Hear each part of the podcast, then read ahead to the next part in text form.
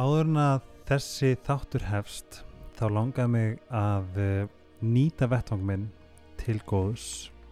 Og mér langaði að nýta tækveri til að heiðra vinn minn, eskuvinn minn Bjarnar Jóhannes uh, með því að uh, koma með þessi skilabóð sem að heitir bara út með það en þá er ég að tala um heimasíðana útmeta.is og út með það sem sagt forvarnaverkefnið en það er sagt geðhjálp og hjálpar sem er Rauðakrossins sem standa að þessu sameinlega forvarnarverkefni sem að uh, snýstum það að stuðlaða bættri geðhelsu meðan almennings.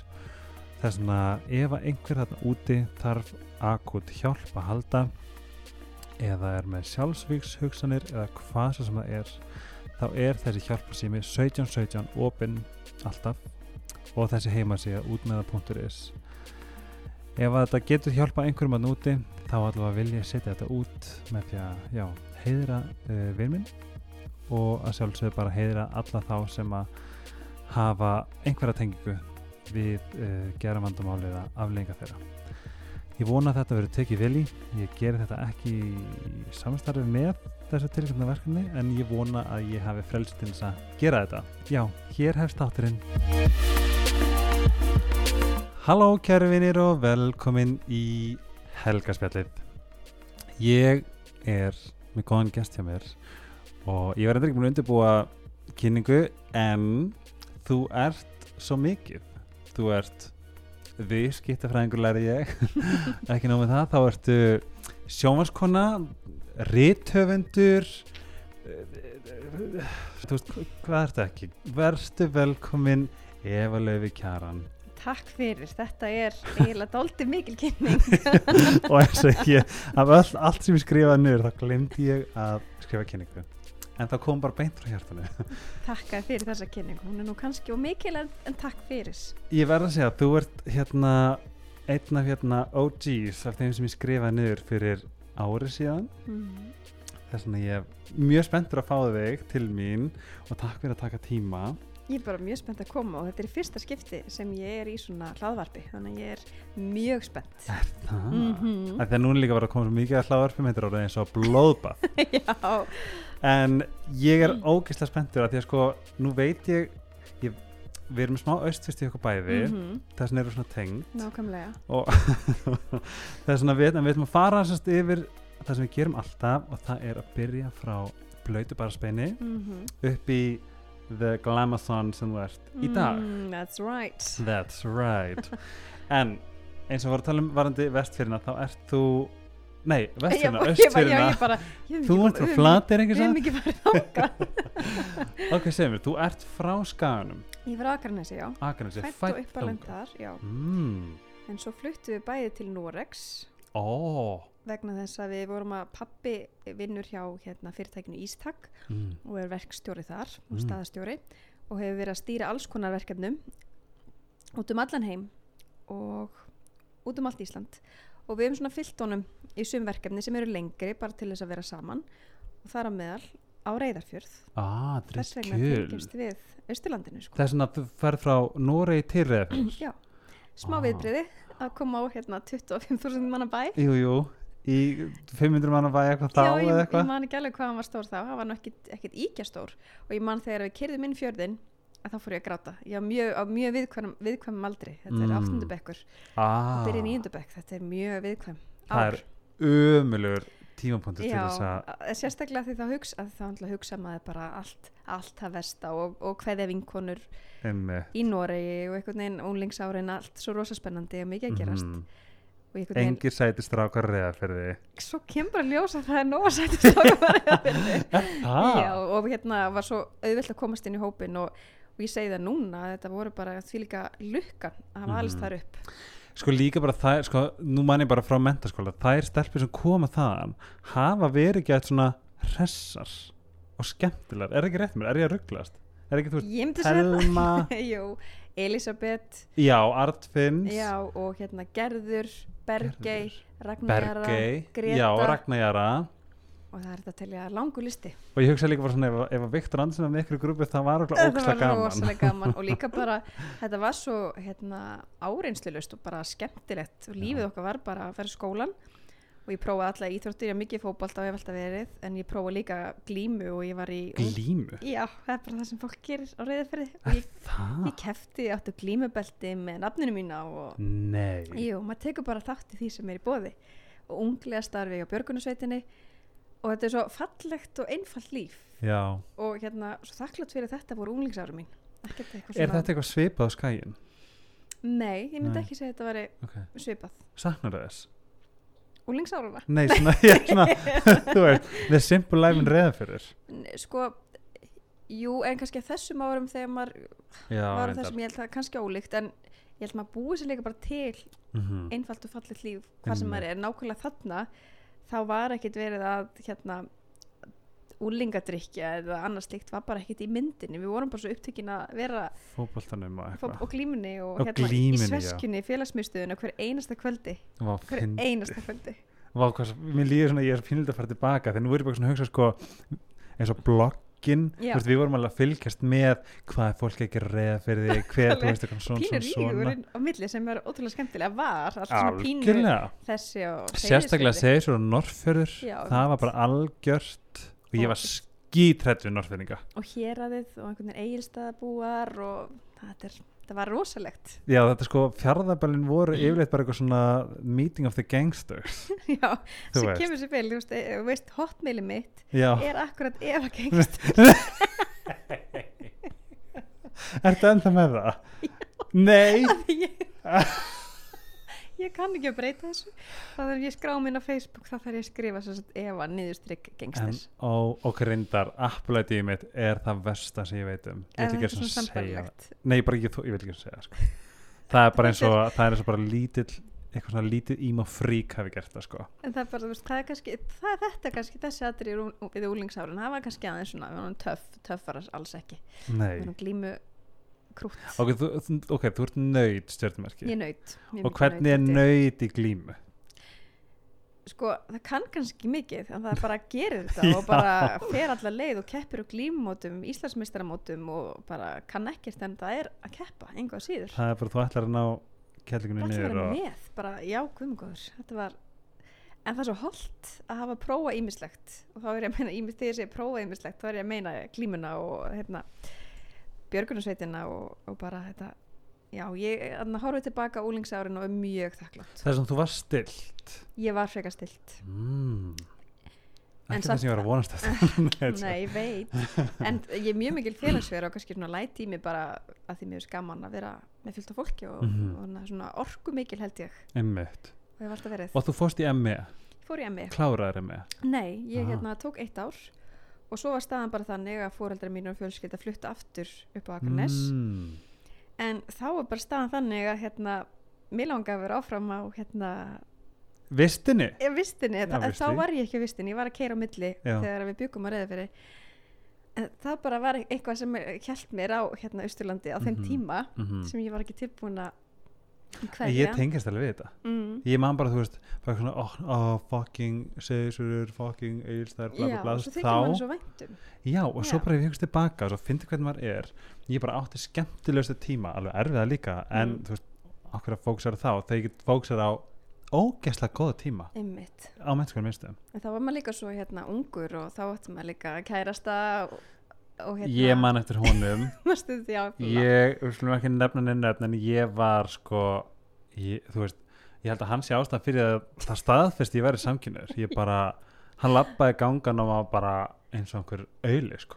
það er svona það er það eitt af því sem hjælt manni þá og þeim tíma þegar maður Já. en mjög gott að vita að hann hafi verið þína en þetta og svo líka hérna það var svona já ímsar ástæður og hérna það þroskaði þroskaði mig mjög mikið, það var mjög þroskandi að hérna, búa á heimavistinni Mhm. Og hérna þá bjóð ég með hérna, tveimur mjög góðum vinkonum mínum hvað og. Elisabetu og það Já, var svo það- mikið sko, að búa á heimavist á þessum Mhm. aldri Það er það hella. bara þvílíka lukkan í alvöru Í. Það Ég sko ég bjóð minningar. tveim vinkunum frá Eskifyrði, já, veist, og það var bara, veist, það sem gerðist. já bara- nákvæmlega og svo fannst mér alltaf svo mikið sport að við að vera með þrifið á miðugudum ekki satt Mm minni það, þá kom önnu? já, kom húsvörp Anna og kom og já. Anna skoði og ég var svo svoleiðist til þetta því ég hef alltaf verið mikið svona heimiliskona og við Mhm. mm haft treynd og ég man ég s- pla plantaði alltaf í gott spjall við vorum Já. að passa við varum on good terms Já, sko, ég held Skiptir að við varum á good terms, ég var eins óþólandi og ég reyndi að vera sjarmirandi. mm. Það er svona, ég var svona rebelin en ég var samt líka bara svona high squeeze, Mm þú veist, það er svona, ég náði alveg aðeins að, að svona uh, hita hana upp, já, eða svona mýkjana, já, við mig allavega. já, ég, hún var líka frábær og hérna að hafa heimil á öllum þessum krökkum og það fór ímislegt það var ímislegt í gangi og það þarna, Ég bara, ég, veist, bara að hún sé ekki einhverju getild, það bara ég, ég skildi ekki. mér en þetta var ævintýri og, þróskandi og þá var ég að spila fótbolti með hetti Mm og, og hérna fjarrri fjölskyldum sem voru á Akranis en þetta var, þetta var rosa gott, rosa góð tími sem ég enna horfi Þess að þú varst bara almennt frekastilt. já, ég var ekki eins og með ekki stilt, ég tengi það ekki drikju en það var ekkit, það var ekkit inn í myndinni. Að það? nei, Drakst ekki? nei, ég var ekki byrjuð að drekka á þeim tíma. Ah, og hérna ég tók þátt í söngleiknum Hárið, að það var aðeinslegt og svo kynntist ég bara Elisabeth Sara frá Seyðisfjörði Mhm. hún hérna bauð mér að koma með sér á fótboltæðingu hætti og þar, þar með var okkar vinskapur eða byrjaði okkar vinskapur. Svo kynnt, ég kynntist bara svo mörgum góðum vinnum mínum sem eru Já. enn góði vinnum mínir í dag. Einmitt. þannig að þetta var Sara náttúrulega indisleg einhvern veginn svo ég veit ekki, mér finnst hún eitthvað svo svona wow, hún bara geggjum hún manneskja. týpri já, týpur eins og þú þá eða? Já. það er bara, það er bara svo leiðis gott fólk. En ég er eins og ég, þú ert náttúrulega þekkt fyrir matagerð mm. og ég er eiginlega bara svona, er alveg genuinely um, forvitin hvernig þú veist, þú byrjaðir hvernig þú kant þetta hvernig þú einhvern veginn, þið tekst að vera skipulögð Mm í öllu þessu. Hver var svona, þú veist, kennari hvað, hvernig þú veist, frá því varst yngri hvernig svona byrjaði þetta og hvernig tókst þér þetta? Já, sem sagt. Ef við byrjum bara á byrjunni að þá þá voru það amma og mamma sem eru mínar og eru mína fyrirmyndir í eldúsinu Mhm. og leiðu mér að taka þátt í, í maturslunni, mm -hmm. matargerðinni. Og þar með var bara já eins og flýs fyrir rass. Ég bara mjög, fann það mjög. Ég hef alltaf mikið gaman að mat. Mér finnst gott að borða. Og hérna og ég sé það líka með þess að það er þú gerir með stelpuna þínar það er alltaf að hjálpa. Eða skiptir bara svo miklu máli Það er að leifa börnum að taka þátt því að hérna, hver veit nema að þau hafi bara mjög mikið áhuga á þessu og vilji vera með bara mm. mjög mikilvægt. En það eru mín fyrstu skref bara með mömmu og emmu í eldhúsinu. Og hérna svo ákvað ég bara fyrir slistni einhvern veginn að opna blogg, annað blogg. Ég var nú búin að vera með dálítið Blogg Central og og ég veit bara ekki hvað og hvað hef alltaf haft mikla þörf fyrir að tjá mig mm og ákvaða einum tímapunkti að opna bloggsíðu og bara skrifa um allt og ekki neitt. -hmm. og fór svo að deila áhugamálu mínu sem var elda og byrja að taka myndir, svona skref fyrir skref myndir. Mm og deila og þá voru lesundinni bara fjölskyldar mín og nánustu vinnir en svo einhvern veginn smám saman þá Mhm. fór fólk að lesa og bloggið bara var stærra var eitthvað annað matablogg sem þú mannst eftir? Ekki á þessum tíma. Tíman. Ég var bara meira að skoða erlend blogg. Já. það var svona mín minn innblástur. sko, sérstaklega bara, þú veist, þetta er svo gott dæmi um að, sem eins og ég hugsa alltaf, þú veist, gap in the market. Veist Mm. hvað við, þarna greinilega var ekki það mikið íslensk, þú Nei. kemur inn og þegar maður googlar, ef Mhm. ég googla skinkuhöfn, mm þá kemur þetta upp. Mjög gott. Sem er svolítið, það er pínu cool. Já, auðvitað er það gaman og líka bara og þú veist svona gap in the market en samt þetta var þetta var engan veginn þar sem að útpælt eða, eða neitt slíkt, það bara einhvern veginn gerðist. Einmitt. og á þessum tíma þá ætli ég að, að læra lögfræði.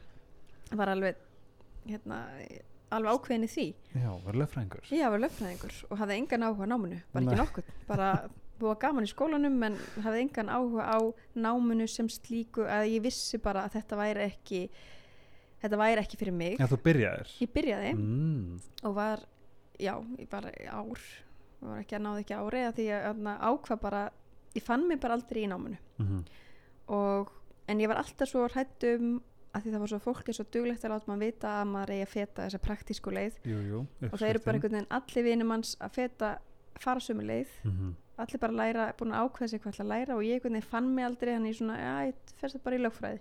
Það lítur að einhvern veginn að vera sniðut setna verð er þetta ekki svolítið algengt líka ég held að þetta sé miklu algengar og allt og algengara, ég held að fólk svona kannski hræðist að vera pínu öðruvísi Mhm. og líka því það er svo fólk er svo duglegt að láta þið vita að þú eigir að feta ákveðna fyrirfram ákveðna braut Já, þó þú hafi kannski engan áhuga á því sem þú ert að gera ég finna líka sko hvað það er svona komið lúmst snabbi í þetta varandi sko að vera með til þess að í bæjó á Mhm. Instagram mm. þú ert law in háskólinu Reykjavík, eitthvað svona þú veist, ég man ekki vinkonum við tala um þetta bara, hún sagði upp að bara, ég get ekki verið svo eina sem er ekki í háskóla.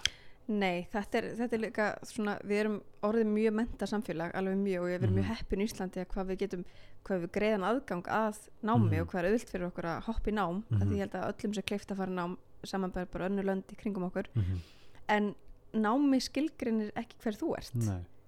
Og þú ert ekkit merkilegri með eina, tvær gráður. Mm og mér hefur aldrei þótt einhver merkilegri að því að hann er doktor eða master, mastergráði þessu og, og ég er með viðskiptagráði en ég veit að viðskiptagráðin skilgrinni mig ekki neitt. Nei, og hjálpa mér vissulega ef ég, ef ég bara það snjöll og nýti mér hana. Mm en hún gerir mig ekki að því sem ég er og ég man alltaf og kannski viðskiptagráðin ég er kannski hopp úr einu í annað en ég fór í viðskiptafræði bara til þess að ebla mig og, og hérna, það sem ég var að gera því ég breytti blogginu mínu síðan meir í bara viðskiptamódel sem ég er bara búin að vera að vinna að. Og hugsa með mér þarna er leið fyrir mig að, að hérna að styrkja mig og gera betur og læra læra þetta. Þá hafði ég raunverulegan áhuga á námi og var að gera þetta fyrir mig. Já, líka einmitt að vinna að því þetta er heldur góð punktur sem hún segir að vinna að því að gera sem þú elskar já, skilur það bara er, ég held að það sé dýrmæritar en nokkuð annað og ég í alvörinu hugsa bara, veist, við höfum bara x langan tíma hérna, algjörlega. Guðanabænum ekki vera, vera hérna fyrir einhvern annan? Og ég hef alltaf sagt sko, að, sko hún, Elin Kristjáns var hjá mér í podcasti og hún sagði við mig við höfum alltaf val. Og þetta var setning sem hún sagði á nákvæmlega réttum tíma og ég þurfti að heyra það. mm. að því að svo þegar maður hugsar dýpra á nýta þá hefur engin eins mikið val og við forréttindapésinir í Skandinavíu. Nefnilega. Við getum ef við viljum ferðast, ef við Mhm. viljum fara Mhm. ef við viljum prófa Mhm. ef við viljum taka sjensa, já, skilur við við höfum svo sem alltaf valið til þess að allavega pröfa við höfum það að því að ég einhvern veginn bara já, bara, þú veist, ég get ekki núna er ég líka bara sjálfur að ganga gegnum það, ég get ekki hugsað mér núna að vera ekki að gera eitthvað sem ég elska ekki Einmitt, og ég held bara í alveg að lífi svo stutt og ég held þessum svolítið að vakna eða lang flest er að vakna við, bara við þá staðirind að við, erum, við bara verðum að gera sem okkur þykir skemmtilegast því annars Mhm. bara göngum við frá okkur fyrir en Algjörlega. síðar.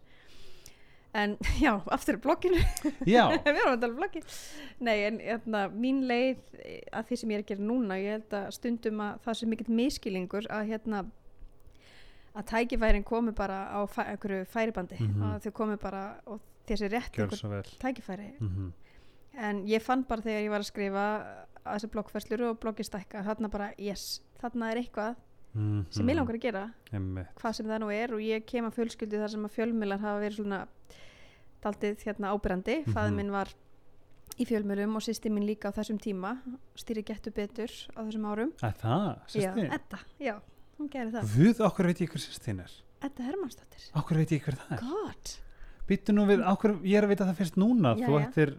Ættir, ég var allt ég var og er, ok sko og ég veit allt um þig, það ég sannaði á hann. Veistu það, ég en þarf að þarf að uppfara Wikipedia-færslunum sem ég skrifaði. Ég skrifaði sjálf. En já, það blunda alltaf í mér áhuga fjölmjölum Mhm. og einhvern veginn small þetta bara tvent saman. Og ég ákvað bara að veðja alltaf á þetta. Ég vissi ekkert hvernig ég ætti að veðja á þetta. Og hérna skráði mig úr námanu og þar með var bara stóru hérna fargja mig létt saman tíma var ég skítrætt Mhm. ég vissi ekkert hvað ég var að gera Mhm. og bjóst í Reykjavík í bjóakranesi þú bjóst akkur okay. Já, bjóakransi en ég bara fann að þetta þetta veitti mér ánægi og þetta var að stekka og ég meina af hverju ekki, af hverju ekki láta það reyna og sko þetta er það sem að þetta er ástæðan fyrir og ég skrifaði til bara það sem að ég man eftir ég get ekki muna hvar það var hvort að ég hefði bara séð á Instagram eða hvernig það var Mhm. en þú alltaf heldur fyrirlestur held ég bara mjög fljótlega eftir að bókinu kom út Mhm. ég heldur sérst að tala sko, þetta er eitthvað svona fyrir konur já, eða, um svona framkomu Já, Með getur það verið? er það? Já. ok, ég er að fá að googla hana, sorry hérna, Nei, er þetta bara, þú getur sko, ég held að langflestir luma einhverjum hugmyndum og langflestir eh, hafa einhver markmið og drauma en ef þú gerir heldur neitt við þetta mm. þá ertu aldrei að fara neitt þá kemst aldrei á þann stað sem þið langar og ég skrifaði hjá mér mm -hmm. að taka draumun sinna í ein hendur því að þú ert Mhm. frábært, örgulega bara besta hefur ekki fordæmi svona, Jú, kannski já, fordæmi fyrirsleis að því getur sagt okkur hans frá Mhm. hvernig þú og þú síndir frá þessu Já, nýlega mm getur þú sagt mér svolítið frá ferlinu hver, þú veist, hvenær þú tekur ákvörðuna Mhm. af hverju þú tókst ákvörðuna og hvernig þú þróar hana og útkomuna Sko ég vildi ætti hérna, ég satt á námskeiði þegar, þegar ég var í skólanum sem að hjálpaði mér mjög mikið sem var bara svona óvænt hjálp og þá var verkefni hérna með markmið, Já, með þetta en þú veist alveg hvernig. Ég veit alveg hvað þetta Já. er. Sorry Já, Reif. Jésús, þú veist, við erum brjálaði sýsturna Nei, en þá satt ég á námskeiði í skólanum og hérna um markmiðasetningu. Mm. og þá kunni þið kveikti bara kveikti á perunni hérna, að því að markmið, þú ert kannski með eitt stort markmið þið langar þetta, en á leiðinni eru kannski 20, 30 lítil markmið sem þú ert að ná til þess að ná Mhm. þessu stóra markmiði Mm. að því eins og ég saði, tækifærin kom ekkert á færiband og þú ert að vinna fyrir þessu Mm þannig að þá gerði ég og það er gert það í skólanum að nota bloggið mitt og það sem að ég var að gera þeim tíma sem bara svona ég nota það bara í verkefnun sjálfu -hmm. og vildi ætti blaðið þar sem ég teiknaði bloggið mitt í miðinu og svona marga litla ringi hvað ég geti gert til þess að stækka. Ú, sniðugt. Og hérna ég vildi ætti það vegna þess að ég fór svo bara eftir þessu. Ég hérna var líki með dálítið við Cable Guy. Að því að hérna ég var með ákveðnu hugmynda bók ég var með ákveðnu hugmynda þáttum mm -hmm. og ég vissi líka að ég þyrst að tengja mig við stærri síður til þess að Mhm. fá meiri umferð inn á mína síðu og bara vekja aðtegli Emmitt þá tengd þá hérna hafði ég sambandi Mörtumari sem stýrir Smartlandi. Já og fekk að beintengja uppskiptið þar. Þú hefur samband við hana? Já já já og ég er Cable Guy. Ég veit ekki hvað Cable Guy er. Jú, hann kemur alltaf aftur og aftur. Það er mynd með Jim Carrey. Veistu það, þú þarfst að fara að googla Ég hef séð skilur Dirty Dancing. Nei, þetta er svona, bara hann kemur alltaf aftur. Hello, hello. Er það Já. sko að því að máli er það sem er mér svo gaman að heyra þið segja að því að þetta er nákvæmlega ef maður vill einmitt fá eitthvað það, veist, það er svo margir sem halda sko, já, þú veist, einu segi, þú veist dóttir hemmagunn Mhm, og ég man bara eftir þá bara já, auðvitað er hún nú farin að mhm. komin í sviðsljósi hún er alltaf dóttir hans hemmagunn já, auðvilt fyrir hann að koma að stað. Já, hugsa, hugsa, hugsuðu örgulega margir. Já, en svo ég. þú veist þú skrifa til hennar. Ég skrifa til hennar efuleg við Já. ekki. Og fæ, fæ að deila uppskriftunum. Og svo hérna er blaðamæður þá byrjast á, á óksblokki enn meir. og ég bjóð til svona Facebook síður sem var risastort stökk, svona like síða og ég bara, fyrir til maður bara, þetta fólk með núna, ég sé hún á góð með mig. Alla Einmitt. tilfinningarnar. En hérna og svo kom blaðamæður frá geskjafanum sem kom til mín og ég var með svona köku vikunar í kökublaðinu eða eitthvað slíkt. Mm. og þá hvernig sá ég með leikuborðið bara ég er búin að tengjast þessum blaðamanni ég ætla að senda henni hugmynd að því mér langar að vera í geskjafanum því það er bara, Nákvæmlega. bara eitt af markmiðum mínum að skrifa í svona flottu matatímariti Mhm. og ég fekk tækifærið og var starfað það sem lausapenni í dágóðastund sem var ótrúlega mikill skóli og þar lærði ég bara svo, að, svo mikl, miklum fagmönnum bara að skrifa uppskriftir og bara Mhm. gera uppskriftir og hvað er mikil vinna að baki Mhm. að búa til já, einu uppskriftasíðu þannig að þar með var ég kom inn í þá, inn í, inn í þá veröld svona fjölmila enn meir með svona búin að stíga fætinu minn. Ég var komin í leikin ég er svona pínu, mm -hmm. allan að ég vissi þá bara þetta er það sem ég, mig langar til að gera. Emmitt, og hvernig get ég gert meira þessu? Emmitt og já, eins og sagði að faði minn var náttúrulega í fjölmjölum en ég var mjög upptekinn af því að ég ætlaði að koma sjálfur mér áfram á mínum einn fórsundum mm því ég var einmitt svo hrætt við að hérna fá að ég væri bara að koma mér áfram og fengi tækifæri bara því ég var dóttir hemma eða eitthvað slíkt en hérna þá sendi ég sendi ég á sama tíma sendi ég bókaforlögum hugmynda bók sem er svona ákveðna beinagrind mm. og sendi líka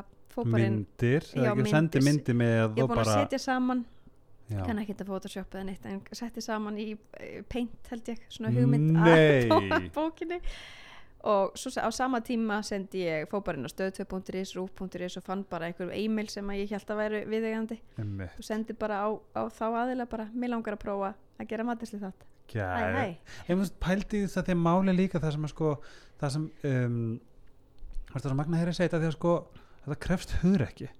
Og hugrekki er eitthvað sem býr í okkur öllum. Mhm. veistu hvað við? Við okkur, veist, þetta er bara eins og veist, og, og, og þetta hefur aldrei verið eins auðvelt af því að þú getur sest niður skrifað og ít á send. Mhm, og svo veist ekki hvað gerist en hugrekkið er þar. Veistu hvað við? já, Í gamla daga þá ætla bara að banka á dyr og já, eitthvað bara, þú veist, e, e, þú veist það er svona bara að skapa mm. eigin tækjafæri á þennan hátt þú veist, who knows? Bara Já, öll einmitt. nei færaði næri jáinu Já, og líka bara ég held ég að skrifa þessa posta mjög oft og bara svona loka tölunni bara, æ, hættu þessu ef alveg hættu að pæla í þessu hver heldur þú eiginlega þú sérst að því að maður er svo duglegur að, að, að niður. brjóta sér niður það er eiginlega mín sérgrein daldið. er það? Já. en þetta í dag? Já, ég er að að vera betri í því Mm. en hérna ég er rosa hörð við sjálf mig sem er ekkert ekkert góð, það er ágætt að vera harður við sjálfan sig en svo fer maður yfir einhver mörg já sko, harður eða vondur Já, það er nefnilega málið mm en ég, sko, ef ég horfi á tilbaka ég veist ég var 22 ára því ég var að skrifa þessa post, tölvupost, þannig ég er bara svona pínu stolt af þessari stelpu Ná, þú ert þorði að gera 89 eða þetta. ekki? Ég er 89 Já, nákvæmlega. Já, þetta var, já, 8 Þetta árum er bara fyrir stuttu. Ég veit það, samt svo langt síðan. Margt gerst. En ég fekk hérna tilbúð eitt bóð um að koma að fundi hjá bókaforlögum og ég var þó alveg þrælspennt og bara já, ég er sko með hugmyndina og þið hafa Mhm. aldrei séð svona hugmynd. Mm. bara kaupið þetta núna sem var bara alls ekki raunin. Nei. og hérna auðvitað, þetta var bara ég var bara komið einhvað, ég hafði ekki hugmyndu hvernig svona pizza ætti að vera. Mm -hmm. og í eitt skipti þá bara ég fekk þið nei og fór út í bíl og ég man bara, ég satt hágrætt, alveg hágrætt dramatíst og hérna bara hugsaði með mér ja, hérna, auðvitað auðvitað vildu ekki þessa bók og hérna Já, þú fórst bara í bara, Já, já, bara hérna í þann gýr sjálfsengakvötina bara þetta væri bara ákvað ég- endur alls, já. Mm. og þetta væri bara ekki sens fyrir mig að vera visnast í þessu. En, en svo einhvern veginn nær maður sem betur fyrir að hrista þetta af sér. Mm. og auðvitað tekum á svona dýfur og hérna um, mis upplagðu hverju sinni. En hérna ég fór heim og hristi þetta af mér og var þá bara fann ég í hjarta mínu að þetta var eitthvað sem ég langaði til að gera. Mm og gerði mig bara svona og varst tilbúin að bara for that shit. já, ég var bara, ég var svo tilbúin að gera betur Mhm. og, og berist fyrir þessu sem ég gerði og þá fekk ég já og þá kom aðtakliðið mín árið síðar út og nú er ég að skrifa þriðbókinu mín þannig að þetta er óða gaman Þetta er svolítið magna sko að ég ég finna sjálfur bara nú hef ég einmitt það, uppskert því sem ég sjálfur hef Mhm. sáið Vá, er þetta rétt í mér? Sáð, er það ekki sáð? Sáð Æ, já, það er flott hérna Já, Miss Já, Thornberger flott, Revs and Trevs Ó, hei og hérna og veist, ég finna bara einmitt og ég, einmitt það sem hún sagði mig var þú ert stolt af þessa stelpu þetta er alveg rétt mm. Mhm. -hmm. en líka bara það góði við það allir geta þetta Já, það getur skilur, allir ég er bara smábæstur að segja þessu og það er líka bara no pláss handa öllum sem að Mhm. ég hef bara og það er ekki þar með sagt ef einhver er að gera eitthvað sem þið langar til að gera af hverju getur þú ger, gert það líka? Já, eins Það og er- gott dæmi ég og Raka nagliðinkuna við löpum bókstálið í búð Mhm. kiftum þennan gaur og þennan og þennan -hmm. og störtum podcast. Skilur mig? Þess maður bara gerir þetta. bara gerir og þetta það er no pláss handa öllum. Mhm. það er, ég held að svimir haldi stundum að hérna að hérna að að sé svo mikil samkeppni og það sé svona valið út. Já, það þú fær, þú fær, það er ekkert það er svoleiðis. þannig. Alls ekki. En eins og um, matagleði Evu mm sem ég á, hef notað. Ég reyndar er ekki komið með kökubókina en ég. fekk hann í láni. Já, já. mannst ég skrifa til hann bara ég þarf alveg að koma bókina á þig svo er þetta að minna mig á af þetta. því ég er búin að vera að nota já, thank you very nice en þú lendir í því um, já, bara þeirri upplifun að missa pappaðin Mhm. hemmagun já, og getur þú sagt mér þú veist hann kannski það gerist kannski áfrekar viðkvæmum tíma ekki satt? Jú. Og, og hvernig svona um, hver, hver, hvert, hvert er ferlið í svona málum? Sko, þegar maður eða er þínu tilfelli? Já, ég er 23 ára og hérna, og samband mitt við hemma hefur alltaf verið, ég var alltaf, vissi alltaf hann ól mig ekki upp, mm -hmm. en ég vissi alltaf vissulega af honum. Mm og hérna, hann átti bara sín, við sín áfengisjúkdóm að stríða þegar ég var yngri, hann, hann kannski var ekki til staðar, eins mikið til staðar fyrir mig og hann vildi, því ég veit bara að hann vildi það svo sannarlega -hmm. og samband okkar var orðið bara með, með bara aldrei með mér og hann var, að vinna í sínum málum að við áttum orðið svo ótrúlega gott samband og alveg mjög gott samband og hann hjálpaði mér svo mikið og hafði svo óbílandi trú á mér og sískinu Mhm. mínum og síðustu skilabóðan okkar þegar hann var í Tælandi þegar hann dó og hérna, þá var ég búin að fara í pröfu þátt í sjórpunum og hann var svo spenntu fyrir þessu hann var sko, Mm.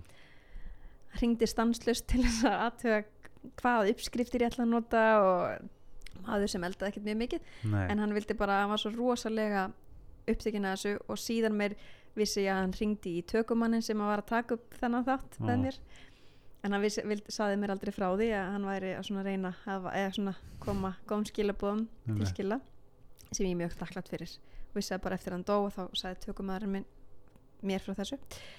En hérna já, þetta sambandi verið orðið svo gott og einhvern veginn loksins uh, loksins áttu við eitthvað samband. Já, ég klára ekki hvað hann saði þá síðustu skilabóðum voru að hann gæti ekki opna linkin að þættinum og ætlaði bara að gera það með leiðan kemur heim mm. það er svona okkar síðustu Facebook skilabóð ég held í þau, ég skoði svona af til og skoði svona sam samtali okkar af til þegar að ég hugsa til hans að því að hann var svo spenntur fyrir þessu öllu saman og hann var líka að gefa út æfisögunni sína á sama tíma Mm. og ma- á þetta sama tíma mataklegin átt að koma út, út og við ætlum, vorum mikið búin að tala um að við ætlum að vera áreita saman og þetta vera svo mikið framundan hjá Mhm. okkur og sambandi var orðið svo gott og hann var fann að ringi mig og stundum að skamma mig fyrir eitthvað ég, og ég hugsa bara, þú veist ég er 23 ára. Þú getur Mm. ekki, þú getur, er ekki byrjað núna. getur ekki komið núna og fara að skamma mig. En hann vildi alltaf hafa svona sitt að segja og var bara orðin stór hluti af mínu lífi og svo góðu félagi minn.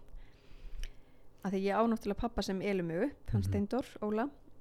Og Hvernig var um, prósessið þegar þú varst upp á þú veist úlingsár, þú veist, hver, Mhm. hvað hlutverk spilaði hemmi pappiðin þar, þú veist, var þetta, var þetta erfitt eða var þetta meira bara svona þetta er það sem þú varst vön og þú átti pappa já, þú veist, af því að þú talar um hvað átti gott samband, veist, Mhm. hvað hvað var ferli upp að því?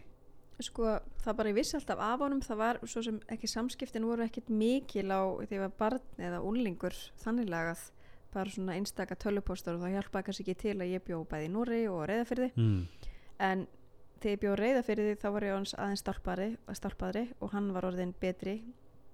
Ég var búin að taka sig á í sínum málum. Þá gáttum við átt bara beðar samtal. Þegar ég kom söður þá hittust við og ég hitti sískinni, kynnti sískinunum mínum.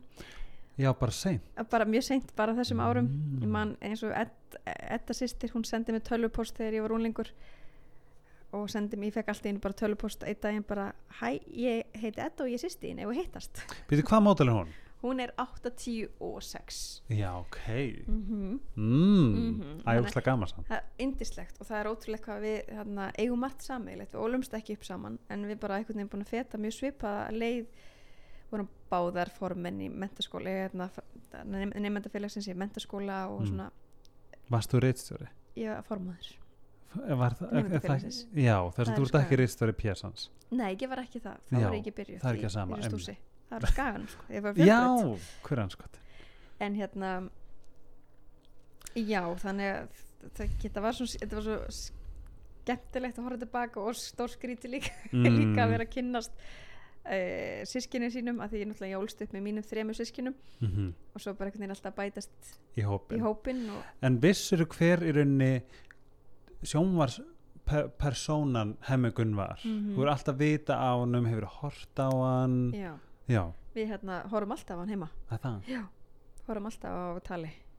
Já, var það hann með græna bakgrunnum? Nei, gula bakgrunnum já, ég man ekki eftir bakgrunn það var þú manst það betur en ég. Ég bara, ég man bara eftir að var alltaf, við horfum alltaf á þetta og það var alltaf, ég var alltaf vitað að hann væri pappi minn. Mm en engu að síðust það var líka ótrúlega erfitt að allir vissu að hann væri pappi minn. Mm.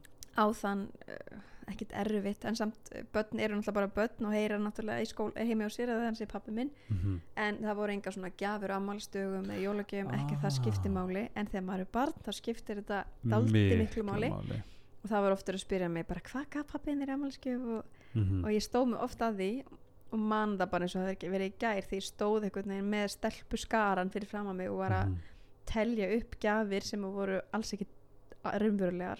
Já, og ég, einhvern veginn, ég er mjög lélega að ljúa mjög lélega að ljúa, ég bæti alltaf bara hressilega í þegar, Mm. þegar ég er að ljúa hana fólk fattar það um leið.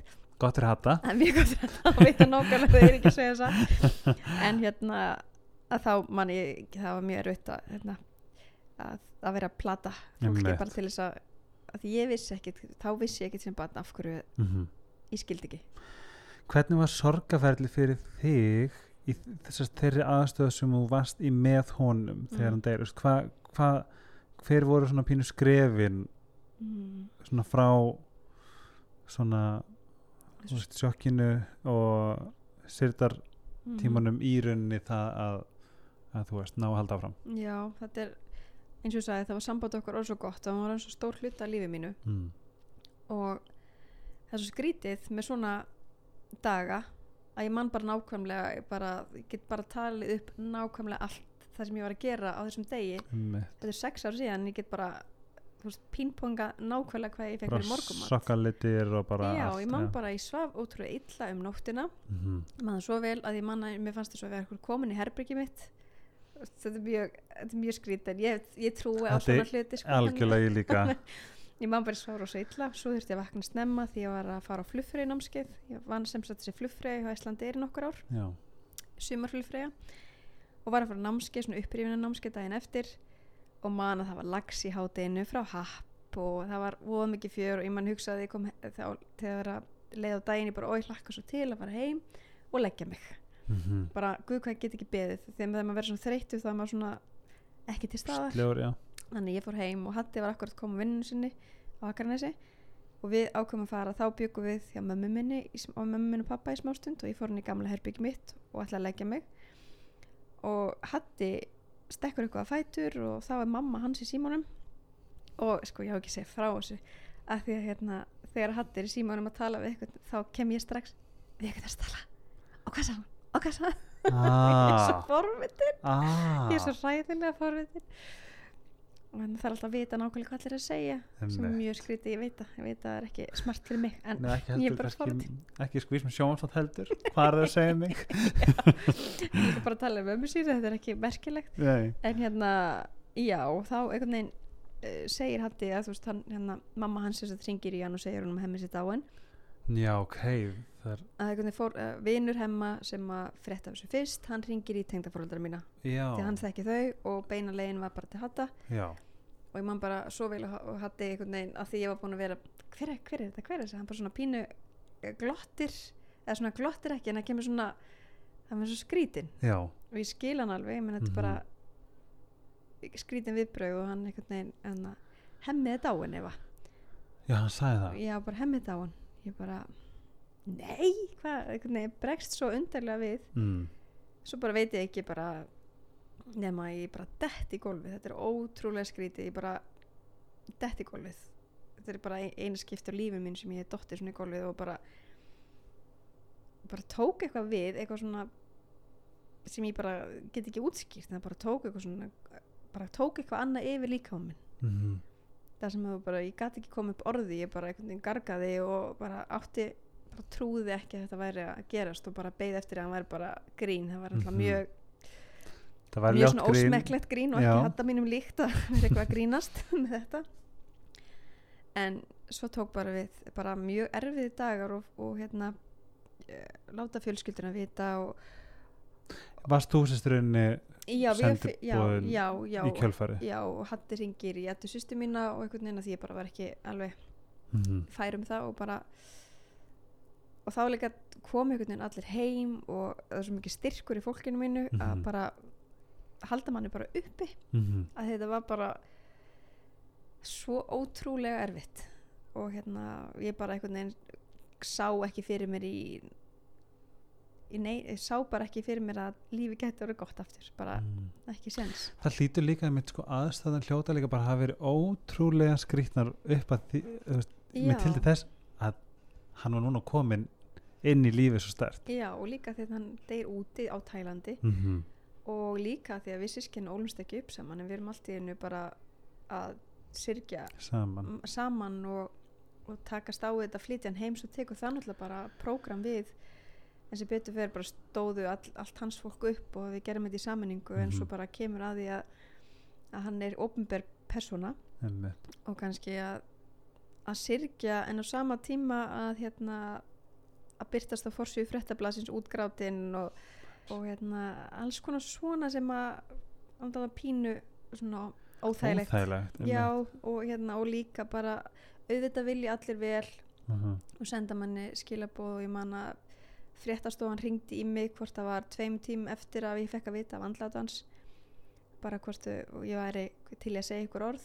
Mm. tveimu tíma ég bara kom ekki upp orðið því ég var svo hissa. Þetta var einhver, einhver vefsíða, frétta vefsíða og maðurinn minn tók sér betur í stjórnina bara þetta, þetta er ekki bóði já, en hérna, já næstu dag voru doldi erfiðir eh, doldi, voru bara mjög erfiðir og Mhm. hérna bara átta sig á lífinu upp á nýtt vil ég segja því þetta er bara þarna líka læri maður bara hvað maður heppin með fólki sitt í kringu sig og líka að því ég var svo mikið að syrgja ég átti þetta að spyrna þessu ég átti þetta að mm, ég átti svo margt eftir ég átti Mhm. að spyrja ná svo mörgu því vorum einhvern veginn bara nýbyrjuð. Mér fannst ég bara einhvern veginn alltaf ung og þetta var bara ósengjart mjög ósengjart að hann færi svona snemma frá mér.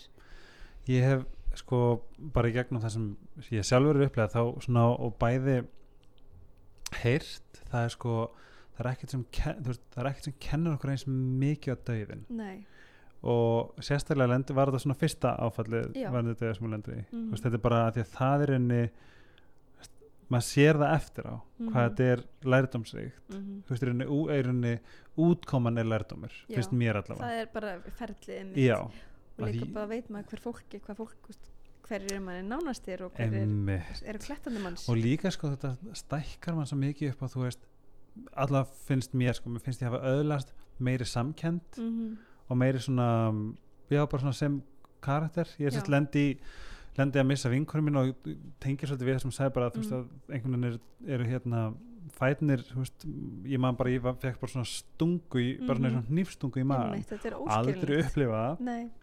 Sama með daginn, Mhm. þetta var skrýtnast þetta ég man eftir um eins og það var í gær. Mm þess vegna, þetta er bara eins, er eins lærdamsríkt og þetta er erfitt. Þetta er það. Hvað tilur að hafa lært svona út frá bara í rauninni Sko- sorgarferlinu sjálfu? En það sem ég kannski lærði mest er bara hérna hafa bara pínu sko líka því við tölum um ofnbjörn persóna þá er ég að, myndu allir rosalega vel. En ég var króa að því búðinni og svona já þetta það, aldrei svona verið að þegar maður er að syrgja þá er maður svo það er, það er ekki kannski ég veit að allir meina vel en Mhm. þú ert einhvern veginn búin að manað upp í að fara í búðina. Mm og það er erfitt þegar allir koma þegar maður er svona brothættur. En ég lærði bara kannski að, hérna, að lífið er ótrúlega stutt. Mhm. og ef við þurfum alltaf að segja eitthvað við eitthvað, gera það núna. Mm því að í alvörunni, þú veist, ég veit ekkert hvort ég verði hérna morgun eða, eða hvort að allt fólkið mitt verði hérna morgun. Þannig það er bara einskott að elska það mikið og láta það vita því að meðan við erum til. Og sérstaklega sko sérstaklega þegar þeir sem hafa upplifað þetta þekkja þetta svo beint. Mm -hmm. Ég held allavega að ég sé svona komið með þetta inn í rútinu mína að Mhm. segja ég elska þig eða Mhm. ekki lafa út í, í fílu, nei, það gerir maður ekki. Reyndar, já ég er svolítið þessu típa, Kasper er típan sem svona, nei, við ræðum þetta. Ég maður á að ræða þetta. Aldrei að fara í alvörun, aldrei að fara eitthvað ill, illa að sofa, það er bara ég er alveg, ég er alveg þar, ég þarf að ræða allt út í hið óendanlega ég, ég, ó, ég held ég get alveg verið erfið er það, ég er líka bara ég er típan sem snými við að bara en ég hugsa ekki. alltaf sko, hérna hvað ef, þú veit ef, ef einhver deyr, bara Mhm. ef ég er ekki búin að segja þetta og, Mhm. og líka bara já, það, veit, veit ég hvort þú mannst eftir þegar þú fyrir austana þannig að kunningi minn úr árgangunum mínum, hann já, um, dó, týndist og dó það var bara Þú það veist, það, var bara það er líka alveg eitt sem ég hugsa mikið um og bara látum bara fólki okkur vita einmitt. að við elskum þið fyndi líka bara er, þú veist bara, ég held að Östurlandi lamaðist Mhm. þá, akkurat, ég bara þekkt hann ekki neitt það var yngan hann og veist ekki neitt og, en þetta er nefnilega sko, það sem döðin kennir okkur, ég held að döða því við munum öll lendi í því að þurfa að díla við döðan mm, og útkoman er ef maður næri einhvern veginn að vinna úr sorginni ég ætla ekki að segja rétt en svona ágætlega. Já, þá er mitt lærduminn svo þú veist, hann einhvern veginn veist, við, það, veist, að vera að tala um sko þessu stöðu hjartamanns brotnar. Mm þú veist þá er bara að vera búið til pláss til þess að, til þess að, til þess að það er vöðvi, já, ripnar það er eitthvað. Og svo fljótlega eftir, eftir nokkra mánu þá var ég ófríska mínu fyrsta batna en ég held í alvörinu stundum að þetta haldist pínu í hendur að þegar maður kveður einhvern og þá hilsa maður einhverjum nýjum. Ég er sammála, ég held að lífið sé svolítið þannig. Veistu, ég er alveg sammála. Mhm. ég oft fæ bara svona að það er það bara að sálin, hún gerir eitthvað fyrir eitthvað sem er að, þú veist. Og líka með dauðan og ég er ekkit feimið að tala um dauðan vegna þess að það er óhjákvæmilegt að við mm Mhm. deyjum ekki, við deyjum öll. Ertu hrætt við það? Nei, er það ekki. Mm-mm. og, og, svo, og hérna amma mín dói fyrra sem er eina mínum bara ein mikilvægsta konan í mínu lífi eina mikilvægur konan mín í mínu lífi. Mm -hmm. og hún átti bara að vera mjög lengi veik og einhvern veginn bara og ég hugsaði bara alltaf þá, þá var þetta allt öðruvísi því ég var búin að ég var ekki búin að sætta mig við að hún myndi fara. Ég hefði haldið hana að eilífi ef ég fengi einhverja ráða hér. En ég var bara svo þakklátt hún fekk öll þessi ár. Mm fekk öll þessi ár átti þessa geggju fjölskyldu og átti þennan dásalega tíma var ég -hmm. Bara átti af og þau voru bara fullkomna, Ó, fullkomna par Já, og ég einhvern veginn bara ef við fáum bara að fara þannig búin að eiga gott líf að þá þá er það bara frábært eitt sem langar að segja varandi og að missa ömmur er að Mhm. ég misti mína núna í um, á, þetta var 22. mæ ja, mm. já og þetta er einmitt svona seipa hún var bara svona mím mm þú veist, hún var það eru bestu konundar já, hún var bara kjarnin í fjölskyldinni, Já. hún var sálin og hjartað, hún bara var stórkastlegt og ég man eftir ég var hérna sérstæðlega bara í Danmörku, það var svo oft hérna já, var hann ekki rangömmul, já, já, ég var hann ekki rangömmul mm. og þetta er eitthvað sem að ég skrifaði færstum þetta en hérna þetta er eitthvað sem að verður að passa með. Þetta er, bara, þetta er ræðilegt bara já, ef því amma var veik mjög lengi og fólk bara já, hérna var ekki bara gott að hún fekk að kvílast sko, auðvitað gott hún fekk að kvílast mm en það er ekki gott að amma mér dó. Nei, það er sko, sko svo, svo erfitt að, að, að þessu skrítin spurning. Algjörlega, að því ég finn líka að við erum ekki að syrgja konu í rúminu. Nei, við erum að syrgja öll árin sem við áttum með henni. Og alveg svo amma, ég vissi hún var að deyja ég vissi í hvað stemdi og vissi Mhm. nánast að hvað dag hún myndi deyja því bara Mhm. við, við vorum fylgdumst með henni raka mm -hmm. á þessum, þessum vikum. Og svona á, einum stað hjartan mínu var ég bara fegin fyrir hennar hönd að vera laus hún var semst orðneil alveg lömuð bara allstað líka mannum að gæti Mm. ekki tala og tjáð sér lengur og ég vissi bara amma mín var löngfarin Mhm. en svo var allt í hennu bara amma mín er farin Já. Þetta er svo og þar, þar tók alveg við sorgarferðlega en bara allt, allt öðru vísi þetta sko það sem að þetta er svipið að mér sérst, hún, amma mm, langa, já hún missir sérst mömmu sinna mm. og, og tvær systur í snjóflóði og svo setna uh, deyr pappinar bara hvort það var einhvern árum setna og það jafn einmitt svona um, það svona hittir mann jafn mikið sko þessir endurfundir. Já. Veist, það er líka ákveðin sko fögnur og samgleði og Mhm. ró í því að veist, það líka endurfundir hinum einn einhvern ég, veginn. ég, ég, sko, ég held að það hjálpi manni rosa mikið eins og bara í sorgarferðli mm að ég og ég er ekki tveimið að, að, að segja það að ég trúi á eitthvað að það sé eitthvað aðna -hmm. á algjörlega næsta líf, ég, að sé eitthvað eftir þetta líf og ég ger það alveg óspart. Ég tala við bæði hemm og ömmu. Það, Já, ég- bara í bílnum á leiðinni í, vinnuna eða upphátt eða bara innan með þér? Bæði og. Stundum alveg upphátt. Ó, og ég bara láta það vita það sem ég er að hugsa. Mm -hmm. ef ég heimsæki leiðin þeirra þá yfirleitt tekið smáspjall og þetta er bara fyrir mig ég hef ekki algjörlega sagt neðinu frá þessu en þetta er bara fyrir mig og það hjálpa mér svo mikið í sorginni og í sorgaferlinu og að því stundum er ég bara kannski keira mm ég því býja ákvæmlega svo vinnir Reykjavík og þá allt í hennu kemur svona hellist yfir mig svona yfir þyrmandi söknuður annarkvæmst Mm. vantar mig ömmu eða hemma -hmm. og það bara hellist yfir mig og ég verð svona hrætt bara ég hef aldrei eftir að tala við það aftur Mhm. bara Þú ég færð þetta enda bara já, já, já, þetta kemur svona annarslægið og bara já, hellist yfir svona yfir, yfir þyrmandi tilfinning og þá er svo gott bara að hugsa herðu, Eva, einn daginn. Mm þá trúir því og þá gerist Einmitt. Þetta er hérna svo fallet lag sem að Ellie Wilhelm syngur.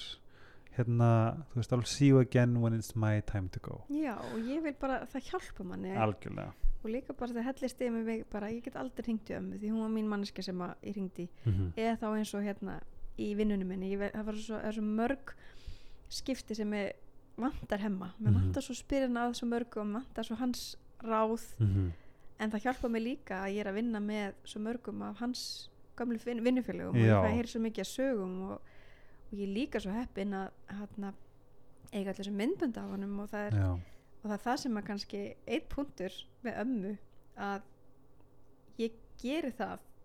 Ég vona að fólki þeir þykir það ekki skrítið myndbönd, mér finnst það mjög mikilvægt að taka myndbönd af bara venjulegum aðstæðum mhm, bara til þess að eiga röddina fólkinu mínu. Mhm, og ég held að fólk fatta ekki stundum bara venjulegt spjall að taka bara upp kameruna ah, að myndavælinu og íta á og taka upp í myndband.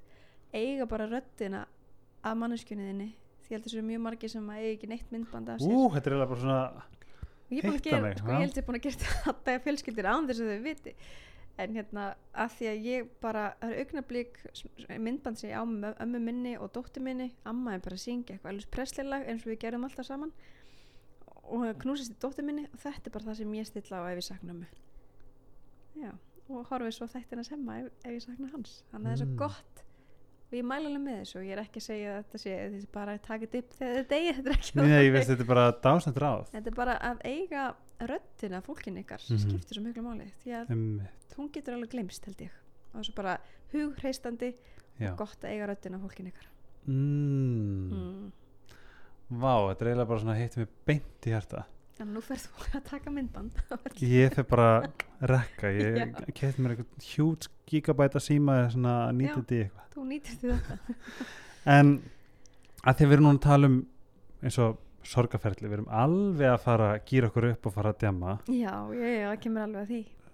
Þú kannski ta þú talar um það ofinbörlega annað sorgaferli sem þú þurftur að fara í gegnum varandi fóstumissi já, um, getur þú sagt mér aðeins frá því hvernig var það öðruvísi hvena var það Mm. hvernig svona það var í fyrra og árið í fyrra er alveg pínu hérna svona hressandi lærdómsíkt ár. Mm, mikið gekk á og hérna amma dói mitt og svo hérna var stelpun okkar já, tvær stelpur sem sagt, fimm ára og tveggja ára.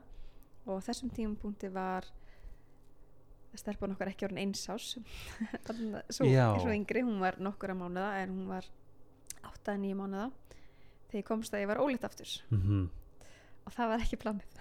Það var svo sannarlega ekki planið. Bara með hann að guppandi hérna á öxlinni bara og ég var að fara að gera eitthvað alltaf en hérna, en svo einhvern veginn eftir að hafa tekið gráturinn og oh alltaf tekið grátinn sko. mm, hann, hann hreinsar hann- okkur það svo mikið. gott að gráta einhver sagði honor your tears because they wash you. Það á að gráta. Það á að gráta. En stundum getur maður að fara svona aðeins yfir strikkið en hérna, ég hugsaði með mig bara ég get þetta ekki og af því að meðgangun var heldur ekki og, og svolítið, auð, hún var ekki auðveld. Mm tók bara á og andlega bara eftir, eftir meðgöngu og -hmm. það bara tekur allt á Einmitt. og kannski var ég bara ekki tím, tilbúin að þessum tímpundi en okkur langaði í þriðabarnið -hmm.